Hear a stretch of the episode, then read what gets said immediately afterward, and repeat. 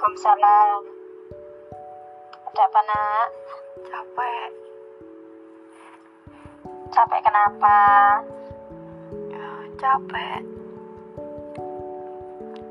Ya pelan-pelan dijalani. Orang mau berhasil itu harus capek-capek dulu. Insya Allah Tuhan memberi jalan. Semoga semoga Tuhan memudahkan segala urusanmu nak. Amin. Ya, kira-kira seperti itu tadi. Tradisi yang sering kau lakukan saat semua yang tidak baik-baik saja harus kau olah sedemikian rupa untuk bisa kau tangani semuanya. Banyak yang akhirnya bisa kau tuai dengan bahagia, tapi tak sedikit juga yang harus kau tutup dengan Ya sudahlah, gak apa-apa. Sembari menyeka air mata dan kembali menjadi manusia baik-baik saja. Katanya, karena hanya itu yang aku punya. Hanya keyakinan bahwa hari esok bisa kutata lebih baik dari sebelumnya. Seperti kata Meridiana, aku melihat kegagalan-kegagalan yang kualami sebagai pelontar diriku dari ranah naif. Iya, naif. Mungkin aku masih terlalu naif untuk menjadi manusia sok kuat yang padahal rapuh. Terlalu idealis untuk remaja yang suka membanding diri sama orang lain. Enak ya jadi mereka. Kapan ya bisa kayak mereka? Ya Allah, bisa gak sih jadi kayak mereka aja? Kadang mertuakan diri sendiri adalah komedi paling mengenaskan yang sangat menyenangkan. Tapi gak apa-apa, namanya juga kehidupan. Ngomong-ngomong soal hidup, dulu bapakku pernah berpesan, Duk, jangan jadi orang yang pendendam. Tapi karena hukumnya larangan adalah perintah, maka segala yang dilarang akan aku lakukan.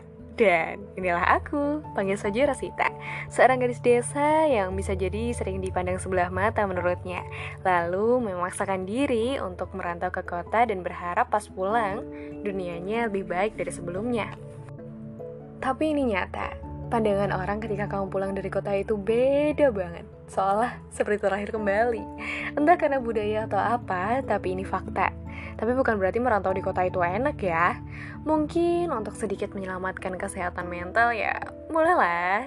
Tapi ya itu tadi, di kota, tanpa dendam, kamu gak akan bisa jadi orang.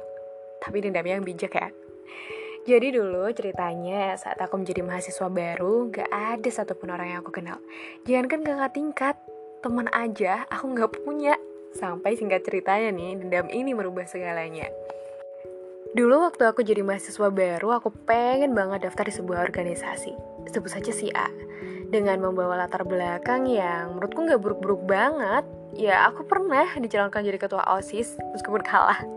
Tapi beneran, beneran waktu itu aku jadi ketua, ketua kelas. enggak, enggak, enggak. Kali ini beneran, kali ini aku jadi ketua di organisasi juga. Tapi ya gitu, hasilnya nihil latar belakang dan kualitas saja nggak cukup tanpa sebuah relasi atau kalau anak-anak zaman Gen Z sekarang nyebutnya the power of orang dalam. Makanya gak heran juga kalau akhirnya aku tertolak. Sakit hati sih enggak, tapi ya karena kepercayaan diriku ini sudah mencapai 11 per 10, jadi kayak, hah beneran? Seorang aku ditolak? Yakin kalian nolak aku? Beneran nih? Ya udah lihat aja ntar. Tapi aku yakin bahwa ketika satu pintu rezeki itu ditutup, maka seribu pintu yang lain akan dibuka. Makanya ya aku nggak nyerah gitu aja. Aku daftar di organisasi lain, sebut saja si B, dan alhamdulillahnya diterima. Dari sana aku mulai aktif mengikuti berbagai kegiatan sampai akhirnya aku dapat tawaran menjadi asisten penelitian dosen. Karena kesempatan gak datang dua kali nih, ya kalaupun datang kedua kali kan namanya remedi ya. Jadi waktu itu aku terima tawarannya. Dan kalian tahu bahwa orang lain tidak menginginkan semua prosesmu. Mereka hanya akan melihatmu ketika berhasil. Jadi tidak heran jika banyak yang datang saat kamu menang dan banyak juga yang menghilang saat kamu jatuh terbuang. Sesuai dugaan dan tepat sasaran. Organisasi yang pernah menolakku akhirnya memintaku. Ros, yuk daftar di sini aja. Tapi ya karena menurutku siapa yang menerimaku lebih awal sebelum aku menjadi siapa-siapa dengan segala kekuranganku maka ialah yang patut aku pertahankan. Sedikit lega karena akhirnya aku bisa berkata, maaf ya, aku gak bisa.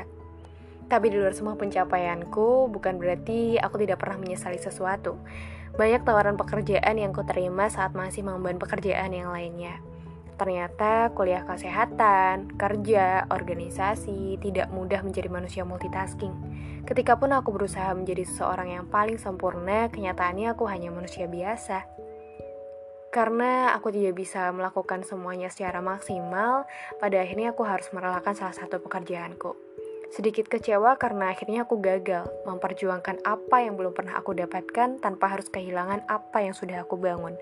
Tapi dari sana aku belajar bahwa tidak semuanya bisa kulakukan. Banyak hal-hal yang di luar kendali, bahkan cerita paling inspiratif pun tidak serta-merta menginspirasi, bukan? Pada akhirnya yang aku pelajari adalah aku tidak lebih baik dari yang lain. Yang membuatnya berbeda hanyalah cara aku memainkan situasinya, membuat yang buruk terlihat menjadi lebih baik, dan mengubah yang sederhana seolah luar biasa. Tidak perlu banyak bicara, buktikan saja. Sampai jumpa, senang telah menjadi manusia.